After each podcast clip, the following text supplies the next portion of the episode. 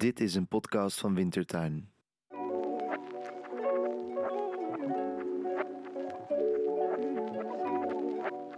Welkom bij Het Voorgesprek, een podcast van het Wintertuin Festival, het literaire festival dat jaarlijks in Nijmegen plaatsvindt.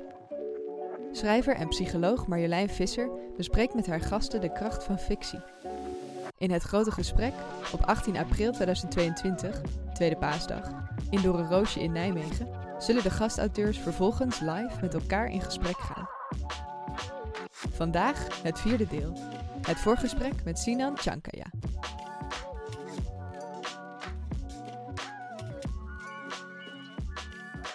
Hallo allemaal, mijn naam is Marjolein Visser en voor de reeks Fictie als gids spreek ik in verschillende zogenaamde voorgesprekken met schrijvers met verschillende specialiteiten.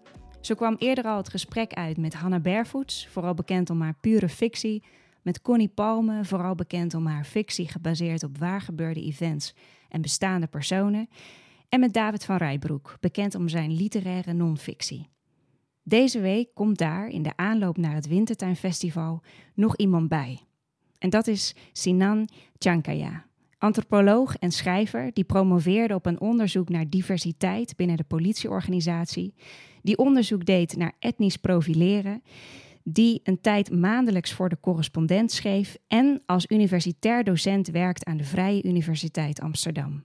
Mijn ontelbare identiteiten is zijn literaire debuut, kwam in 2020 uit en won prompt de Jan Hanlo Essayprijs 2021 en de eerste sociologische bril. Ik vind het een eer om hem te mogen spreken hier live in zijn eigen keuken, Sinan Chankaya. Hartelijk welkom. Hoi. Heel leuk om je te spreken. Uh, Sinan, ik zou graag met je praten over uh, je schrijft heel veel prachtige non-fictie. Waarom jij dat doet, maar eigenlijk ook waarom je er zo goed in bent. Want dat, uh, dat, dat ben je. Um, en ik ben benieuwd ja, waar dat hem nou in zit. Zit het hem in waar je over schrijft, of in jou, of in andere dingen? Dus misschien als eerste vraag voor jou, maar gewoon eens even. Dan kunnen we misschien daarna een beetje samen gaan zoeken. Mm -hmm. Waarom schrijf jij non-fictie? Um, ja, voor mij is het wel een, een, een bewuste keuze geweest. Omdat ik, ik ben antropoloog. Um, ik ben universitair docent, werk aan de Vrije Universiteit. En was dus vooral bezig met het schrijven van wetenschappelijke teksten. Ja. Gepromoveerd. En uh, op een gegeven moment voelde ik wel dat de, die vorm aan het knellen was. En dat ik ja, in, in die dat wetenschappelijke jargon niet helemaal mijn weg uh, kon vinden. Mm um, daarbij is het wel zo dat binnen de antropologie is er ook wel ruimte voor verschillende vormen van hoe je de rol van de wetenschapper ook representeert in een tekst. Ja. Dus het, het, was niet vreemd dat je binnen, de, binnen antropologische teksten bijvoorbeeld ook over jezelf schrijft. en hoe je je uh, verhoudt tot mensen. Um, dus dat was wel al een soort opening. En ik ben die vorm, mm -hmm. wat je ook wel de auto-etnografie kunt noemen, uh, waarbij je dus eigenlijk schrijft over um, het ik in een culturele wereld, mm -hmm. dat ben ik gaan verkennen. En ik sta echt nog helemaal aan het begin, uh, wat mij betreft, in, in mijn verkenning van, van die vorm. Van um, die literaire non-fictie bedoel je dan? Ja, het literaire is een etiket uh, dat anderen erop plakken. Ja. Bij mij begon het echt over het, het, het nadenken van, van, van het ik in, in zeg maar, bredere sociale en culturele contexten. Um, en, en, en, en wat dat dan met je doet. En Mhm. dat, en dat uh, schrijven over het ik, dat je dat ook op een manier kunt doen waarbij je wel dus iets groters probeert te, te, te vatten. En dat bijvoorbeeld dit boek, nou, het, het, je zou kunnen zeggen het is autofictie, autobiografisch. Nou, dat is het natuurlijk ook allemaal. Mhm. Maar ik had dit boek niet geschreven, of ik, ik heb dit boek, boek nooit willen schrijven, omdat ik zo graag mijn verhaal wilde vertellen. Ik heb dit boek geschreven omdat ik een groter verhaal over Nederland wilde vertellen. Over in- en uitsluiting, over racisme, Ja. over uh, het, het opgroeien als, als kind van migranten. ja. En, en dat ik dus wel heb geprobeerd om ja, dat aan, dan inderdaad aan de hand van literaire technieken ehm, ook plausibel te maken. Dat het niet een soort verhaal is wat alleen van mij is. Ja, ja. En waarom werkt het eigenlijk goed? Want het, het werkt hartstikke goed. Ik, ik, ik, ik heb ook het gevoel, en volgens mij heel veel mensen met me, dat jij iets zegt over grotere dingen. Dat je iets Mm. invoelbaar maakt over grote maatschappelijke thema's en daar mensen over aan het denken zet, zelfs activeert. Waarom is het daarvoor zo zinvol om jezelf op, op te voeren, om het autobiografisch ook te maken? Nou, voor, voor mij geldt dat ik er niet aan ontkwam om op bepaalde manieren over mezelf na te denken. En dat ik bijvoorbeeld dat onderzoek heb gedaan binnen de politie. En Mhm. dat, dat is een onderzoek naar, het, eh, naar in- en uitsluiting van agenten met een migratieachtergrond. En dat ik zelf te maken eh, kreeg met uitsluiting binnen de politieorganisatie. Dat de ervaringen van die agenten, dat, dat ik daar ook over kon meepraten. Dat als ik dan door de gangen liep eh, bij politiebureaus, dat, dat ik werd gevraagd naar mijn politiepas. Mhm. Of ik me wilde identificeren. Ik werd aangezien als schoonmaker en, en de jongen die de cola-automaat kwam aanvullen. Dus, dus ik zeg ook dat ik er op een bepaalde manier niet aan ontkom om Ja. mezelf te lezen, te zien door de ogen van, van anderen. Ja, En, en, en ja, dat, dat is voor mij een soort uitgangspunt geweest om dus ook ja, meer auto-etnografisch, auto-sociologisch te schrijven. ja. Ja, ik, ik moest denken toen ik jouw boek las aan iets wat Joseph Campbell heeft ge- gezegd. En die zei, eh, verhalen, hij, hij is een verhalen-expert. Ehm, verhalen die gebaseerd zijn op dingen die waar gebeurd zijn, die winnen aan kracht. En ik dacht, terwijl ik jouw boek las, ja, je, je kruipt helemaal in jouw hoofd, maar ook eh, de wetenschap dat, dat deze persoon echt bestaat, waarover je leest, vond ik aangrijpend. Dus ook al bij heel, ja, misschien voorbeelden, nou bijvoorbeeld over dat jij als kind eh, omfietste naar de C1000 om dan de afgeprijsde kaas te kopen met een netto winst van 5 cent. Daarvan, ik, ik, ik voel veel sterker voor mijn gevoel met jou mee, omdat ik het gevoel heb, goh, ik, ja, zoals ik zeg, ik leef met jou mee. Ik heb wel helemaal Mm. gevoel bij wie, wie jij bent en dit is echt gebeurd. En dat, dat werkt misschien, zat ik te denken, ook wel sterker dan dat je denkt, een gefictionaliseerd persoon, die heeft te maken met misschien bepaalde vormen van armoede. Of ik, ik vroeg me af of dat ook nog een rol heeft gespeeld. Om jezelf, want je zou natuurlijk het ook kunnen fictionaliseren, wat je zelf hebt meegemaakt. Ja, ja. Ja, voor mij, voor mij ehm, dus, dus nogmaals, ik, ik zit zo in, die verkenning en het experimenteren met non-fictie. En ik sluit een experiment met fictie niet uit. Hoewel ik ook denk dat die grenzen poreus zijn, eh, non-fictie en fictie. Wat bedoel je daarmee? Sorry. Nou ja, dat, dat, dat, dat je natuurlijk ook in non-fictie fictionaliseert. En dat je het, het verhaal op een, op een hoger plan tilt. En, en, en literaire technieken inzet, waardoor je inderdaad probeert om eh, empathie op te wekken bij een lezer. Eh, dat de lezer je, je met je identificeert. Ja, Je bent daar wel mee bezig als je een verhaal schrijft. ja, Eh, hoe je iemand die slecht is toch ook goede eigenschappen kunt meegeven, zodat hij iets Ja. sympathieker overkomt. Ja. Dus, dus daar ben je wel over aan het nadenken in het construeren van het verhaal. En, en dat bedoel ik met dat, dat die grenzen diffuus zijn. Maar voor mij was het vooral, oké, ik kom uit die wetenschappelijke hoek. En, en, en om volgens non-fictie te schrijven, ja, dat was al zo'n bevrijding. ja. Dus dat, daar ging zoveel voor mij open. En wat is er bijvoorbeeld iets wat je, wat je wel kan doen, wat je wel kon doen in dit boek, Mijn Ontelbare Identiteiten, en wat je niet kon doen in een, in een antropologisch werk? Kun je dat uitleggen voor de mensen die ehm, ja, geen antropoloog zijn of daar geen ervaring mee hebben? Nou ja, om te beginnen wordt, wordt daar toch wel neerbuigend naar gekeken. Om, om, eh, Naar, naar wat? naar, naar- het begint al met schrijven in de eerste persoon. ja? Ik. Dus als, je, als je ik in een, in een tekst zet. Dus je hebt dan allemaal A-level eh, journals. En dat wordt daar dan niet bijvoorbeeld gewaardeerd. Ik bedoel, binnen de antropologie wel, hè, maar binnen de, binnen de bredere sociale wetenschap wordt daar nog wel op een bepaalde manier naar gekeken. Ja. Minderwaardig. En helemaal de auto-etnografie. Het is, eh, ja, de kritieken die gaan dan ook van eh, egocentrisch, eh, intellectuele masturbatie. ehm, en dat het, dat het licht is in de theorie. ja.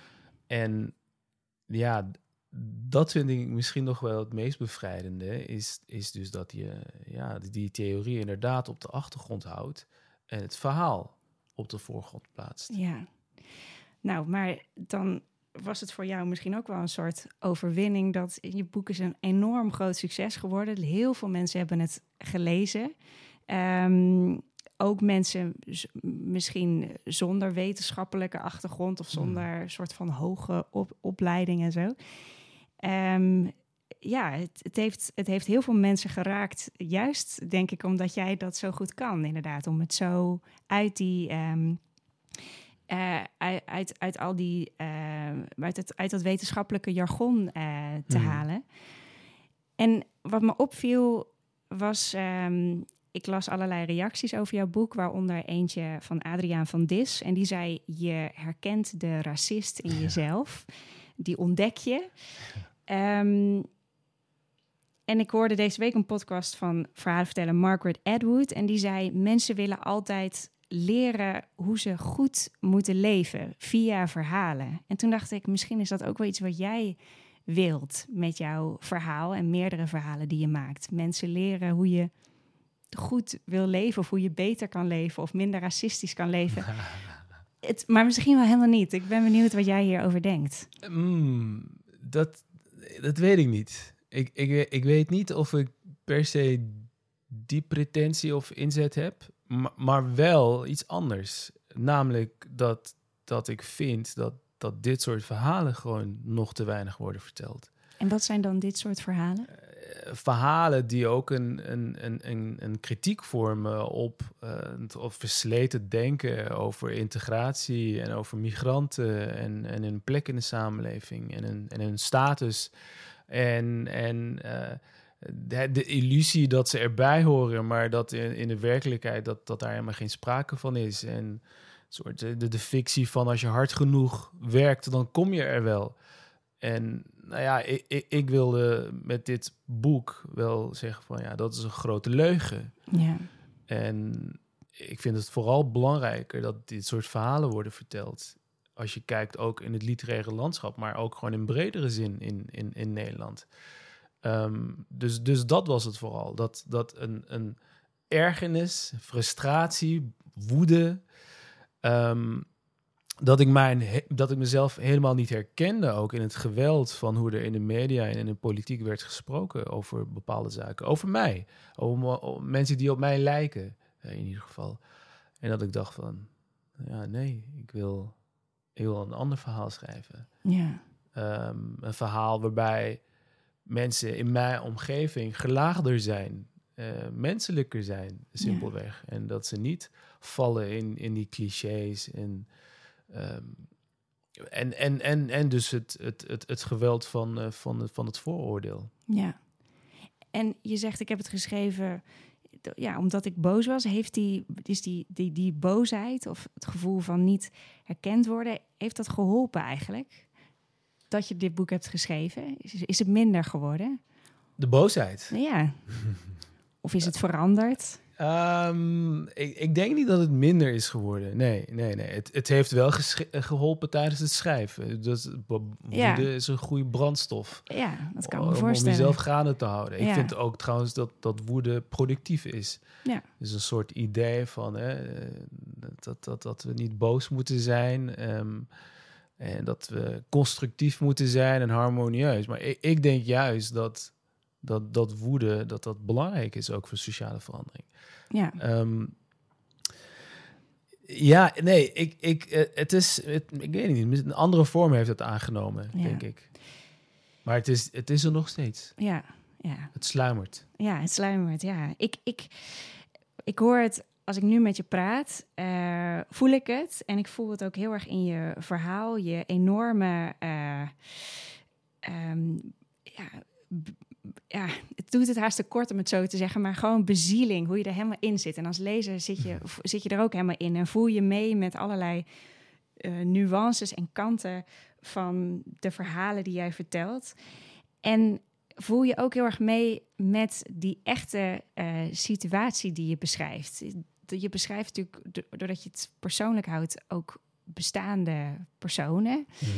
Um, in je familie, maar ook van je middelbare school. Um, een heel, uh, ja, heel aangrijpend voorbeeld met een oud geschiedenisleraar die um, discriminerende opmerkingen tegen jou maakt en die je later tegenkomt bij het 40-jarige jubileum van jouw middelbare school, waar je hem toespreekt. Ik vond dat ontzettend moedig eigenlijk. Maar ik, ik, ik dacht wel, goh, hoe is dat eigenlijk voor jou dat die echte mensen, echt bestaande mensen, dit ook kunnen lezen en dit ook. Uh... Mm. Nou, met, met, met Konst, dat is dus uh, die de geschiedenisleraar Nico Konst. Uh, Sajan Detail was de, de tweede man uh, achter Hans Janmaat binnen de extreemrechtse Centrumpartij. Ik, ik, had geen enkele moeite om hem, laten we zeggen, in het boek te grazen te nemen. Nee. Uh, helemaal niet zelfs. Um, dus in zekere zin was het ook gewoon een afrekening. Ja. Ik denk dat je het gewoon zo kunt noemen. Ja. Um, maar met, met andere personen, ja, ja nee. Ik, ik heb wel bijvoorbeeld namen uh, veranderd. Uh, e-mailadressen gewijzigd. Maar er zijn vast genoeg mensen die zichzelf in het boek hebben herkend. Ja. Um, ja, ik, dat, dat is, dat, ik vond dat wel lastig. Mm -hmm. wat, um, wat vond je precies lastig? Ja, hoe, hoe pak je dat dan aan? Is er een ethisch dilemma? Wat, wat, wat doe je? Leg je dat voor aan mensen? Uh, vraag je toestemming? Ja. Uh, of, of is het van, het is mijn verhaal? Ja. Um, wat heb je gedaan? Uiteindelijk heb ik dit verhaal opgeschreven zoals ik het zelf wilde. Dat gold trouwens ook voor familie. Ja. Um, want ik, en, en bijvoorbeeld ook de stukken over de politieorganisatie. Ja. Ik schrijf over een episode waarbij de uh, Amsterdamse politietop mijn onderzoek blokkeerde Ja. en niet wilde publiceren. Nee. Ik ben zelf al door zo'n worsteling gegaan van moet ik dit doen? En zo ja, in welke vorm? Ik had zelf al zo zorgvuldig nagedacht over hoe ik dat wilde opschrijven, dat ik vervolgens daar nog geen andere mensen bij nodig had. Nee. Dus ik heb het opgeschreven in een, op een manier waarvan ik dacht van ja, uh, dit vind ik oké. Okay. En vervolgens mochten mensen daarop reageren. Ja. Maar er geen letter aan veranderen. Ja. Ja. En dat heeft, dat heeft, en dat heeft gewerkt. Je bent dus eigenlijk compromisloos in zekere zin gaan schrijven. Je bent Ja. er vol voor gegaan. Ja, ja, ja. Ja, maar dus met de opmerking dat, dat er al sprake is van zelfcensuur. Ja, ja. Eh, Dus dat, dat ik eigenlijk al de, degene ben die, die mezelf bedwingt, corrigeert, temt, Ja, eh, censureert. Ja. Ehm, nou ja, daar gaat dit boek ook over. Dus, dus ik, ik denk in die zin, dat, dat hele idee van vrij autonoom schrijven, ja, daar moeten kritisch op zijn. Maar ik had daar vervolgens niet nog allemaal extra ogen bij nodig. nee. Dus, dus dat, dat is het vooral voor mij. Ja. ja, die extra ogen die zaten eigenlijk ook al heel erg in het boek, zit ik te denken. Er komen heel veel citaten in voor uit, uit kranten. Maar je, hebt ook, eh, je zet ook eh, e-mails in van Mhm. andere mensen. Die heb je misschien nog wel iets bewerkt, dat weet ik dus. Ja, Ja. bepaalde dingen. Maar wat ik heel interessant ook daaraan vond, is dat je ehm, andere mensen, of misschien wel de, dat wat is gebeurd, ook laat spreken voor zichzelf. En ik dacht, dat is natuurlijk ook iets wat je middels non-fictie heel goed kan doen. Dus je leest jouw verhaal voor de mensen die het niet hebben gelezen. Maar nogmaals, ga het lezen. Mijn ontelbare identiteiten. Ehm, die, je, je, je leest dan een, een, rela- een relaas van jou. En vervolgens lees je dan zo'n e-mail van een docent. Bijvoorbeeld na de jubileumviering waar jij hebt gesproken. En dat komt dan ja, super hard binnen. Ik vond dat Mm. heel sterk dat je ehm, gewoon de woorden van andere mensen gewoon voor zich laat spreken. Gewoon Mhm. weergeeft. Mhm. Hoe kwam je op dat idee om dat zo te doen? Ehm, nou, dit, dit gaat over. eh, dus in het boek geef ik dan een lezing op mijn Ja. eh, oude middelbare school. Ja. Ehm, de konst die zit in de zaal en eh, ik spreek hem toe. Ik zeg iets over wat hij in de klas had gezegd. Het was een racistische, seksistische man. Ehm, en vervolgens kreeg ik eh, drie dagen na dat optreden kreeg ik een mail van een docente waarin zij schreef dat eh, de school had gefaald, want ze hadden mij geen beschaving kunnen bijbrengen. Ehm, ja, en je had het jubileum een beetje verpest voor haar gevoel. Ja, je, ja, had, je, ja, had, ja. je had niet aan je taak voldaan wa- wat je, Ja, het, je idee was doen. inderdaad hè, een feestje. Je hebt, je hebt een feest verstoord. Ja. Hoe durf je? Ja, Barbaar. ja, Eh, daar, daar kwam het op neer. En ehm, ja, en voor mij was het eh glashelder. Dat ik dacht, dit moet in het boek. Maar ik heb nog wel een heel gesprek gehad met, eh, met mijn redacteur. Ehm, want, want zij vond dat het boek dan in Munir zou eindigen. En de vraag was, moeten we dat doen? En mijn punt was, nee, we moeten dat juist doen. Of ik, ik wil dat juist. Omdat ik wil duidelijk maken, ook aan de lezer, dat dit geen frivol onderwerp is. En dat het niet, maar zeg maar met, eh, met die daad van ik loop naar voren en ik geef die speech. eh, en eh, ik neem ik, ik- konst te grazen van Precies, nu, ik nu pak is het mijn geschiedenisleraar aan. Het, ik, ik, ben de, de held of zo. Ja, ja, dus dat, dat wilde ik niet. Ik wilde duidelijk maken van dit is iets wat, wat, wat nog zich gaat voortzetten en reproduceren. En kijk maar, drie dagen later gebeurde dit. Dus ik wilde ook een soort stomp in de maag bij de, bij de lezer. ja. Ehm, want ja, als we nadenken over racisme, ook in historisch perspectief, seksisme, dan, dan zien we wel dat het verandert, maar dat het ook weer steeds andere vormen aanneemt. En ik wilde wel hoopvol eindigen, maar ook de ernst nog steeds laten doordringen bij de lezer. De ernst blijkt ook in iets wat je hebt geschreven, wat me heel erg, ehm, eh, nou, wat ik heel indrukwekkend vond. Vind je het goed als ik dat kort voorlees? Ja, tuurlijk. zit in het einde van je boek. Passief beschouwen is geen optie meer. Dit is waar ik naartoe wil met mijn microrevoluties. Naar een verstoren, verwarren, in de weg zitten, een zand in de machine strooien. Naar verantwoordelijkheid nemen voor jezelf en de ander. Wij zijn uitverkoren om een beslissing te nemen, veroordeeld tot vrijheid. In een wereld die tegen je aanduwt en aan je trekt, is het omarmen van je ontelbare identiteiten een verzet Nou, en ik dacht, ik, ik voel me helemaal geactiveerd als ik dit lees. En ik dacht, eh, ja, je, eigenlijk is dit boek, en ik kan me voorstellen dat non-fictie daar een fijne vorm voor is, ook een, een, een, een iets, ja, echt een, een soort aansporing tot, tot actie, tot het nemen Mm. van verantwoordelijkheid, misschien wel zelfs tot verzet. Mhm.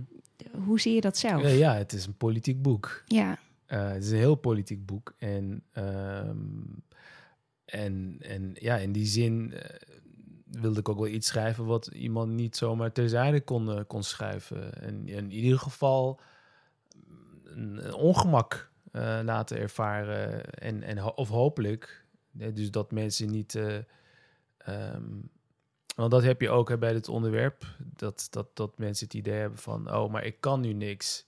Of ik ben wit, dus ik, ik mag me niet mengen in het debat. Maar ja, nou ja, in, in dit boek probeer ik ook wel iets anders te ontwikkelen. Eh, Mijn ontelbare identiteit. Dat geldt dus voor iedereen. Alleen we zijn wel anders geïmpliceerd in problemen. Eh, we hebben allemaal een andere plek in de pikorde. Ehm, maar juist van, we, we kunnen wel iets. En, en tegelijkertijd ook met de opmerking van, ja, we moeten ook wel weer realistisch zijn. Die, die manoeuvreer- manoeuvreerruimte is ook klein. Dus vandaar microrevoluties. Wat eigenlijk ook vooral mijn eigen worsteling beschrijft. Mhm. Van eh, hoe, hoe verzet je je nu eigenlijk? Ehm, ja, dus, dus, dus, dus daarin wilde ik ook wel inderdaad iets van, van, van ruimte creëren voor mensen, lezers, dat, dat ze wel iets kunnen doen. Terugduwen, alleen al. Terugduwen, wat terugduwen of wie terugduwen? Ehm, ja, het kan echt van alles zijn. Ehm, nou, neem bijvoorbeeld de vraag: waar kom je vandaan? Dus ik, ik maakte daar op een gegeven moment. eh, ehm, ging ik irriteren. En, en zand, inderdaad, zand in de machine strooien. En dan, en dan zei ik: eh, ik kom uit Nijmegen, wat ook gewoon klopt. Feitelijk klopt. Ik ben in Nijmegen geboren, Nederland opgegroeid. En ehm, een collega die, die hoorde mij eh, dat steeds doen. En hij zei van, ja, waarom doe je eigenlijk zo moeilijk?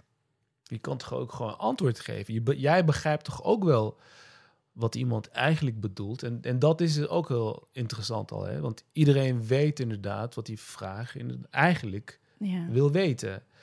Ehm, en ja, dus dat, dat, dat kleine verzet, daar zie ik als een vorm van terugduwen. Nou, kraakhelder. Dankjewel. Ehm we moeten afsluiten, maar ehm, nog even eh, misschien vooruitblikkend. Op 18 april spreek ik eh, jou samen met eh, Connie Palme en Hanna Barefoots.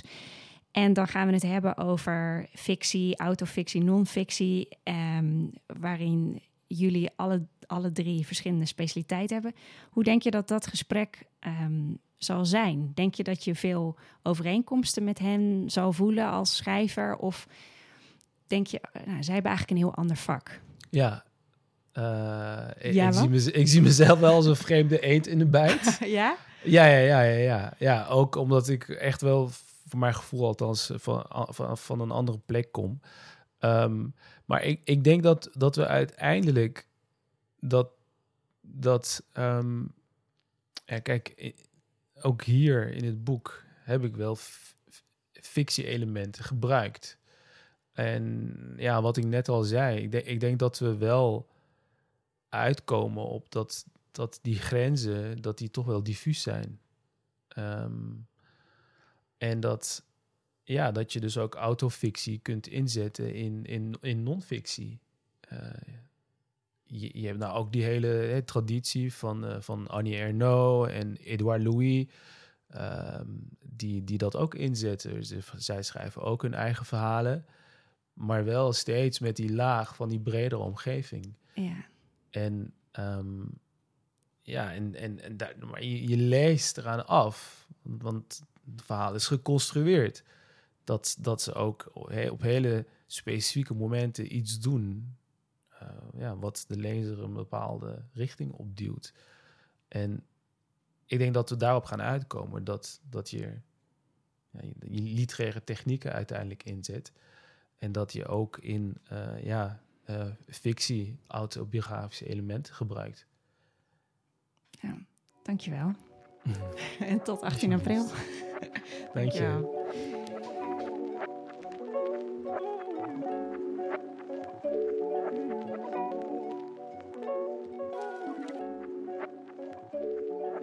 Dank voor het luisteren naar het voorgesprek met Sinan Chankaya. Kijk op wintertuinfestival.nl voor de gehele programmering van het Wintertuinfestival. Link in de show notes.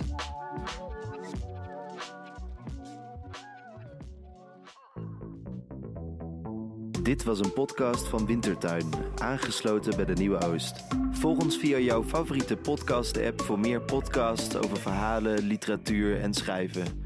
Tot de volgende keer.